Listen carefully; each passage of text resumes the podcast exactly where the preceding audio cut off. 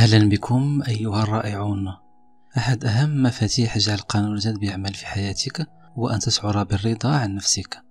ولا يوجد شيء مثل الشعور بالرضا عن نفسك. قل شكرا شكرا على كل شيء لديك. عند الفحص الدقيق هناك العديد من الأشياء في الحياة التي يمكن أن تقول لها شكرا لك.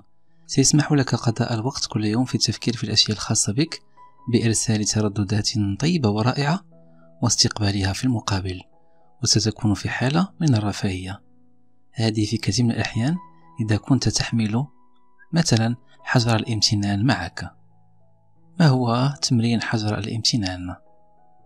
ابحث عن حجر يناسب ذوقك سواء كان مصدره نهر أو شاطئ أو غابة أو متجر واحتفظ به كتميمة صغيرة. ممكن أن يكون الحجر صغير جدا.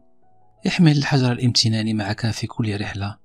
ضعه في جيبك أو في حقيبتك أو في أي مكان آخر تتأكد من أنك سوف تتمكن من رؤيته كل مرة.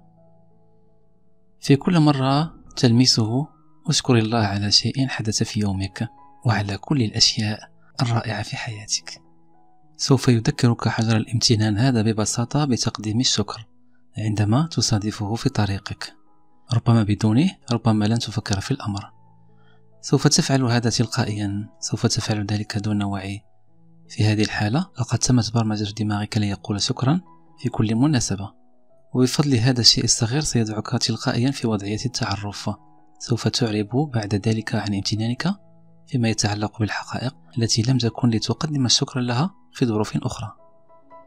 يميل الكثير من الناس إلى التركيز على الأشياء السلبية في كثير من الأحيان ويشكون طوال الوقت مما هو خطأ كلما كانوا أكثر سلبية كلما ذهبوا أسوأ. وكلما ذهبوا أسوأ كلما كانت أكثر سلبية وجدوا الأشياء السلبية إليهم أيضا. إنها حلقة مفرغة وهكذا. من خلال ممارسة حجر الامتنان تضع نفسك في دائرة فاضلة.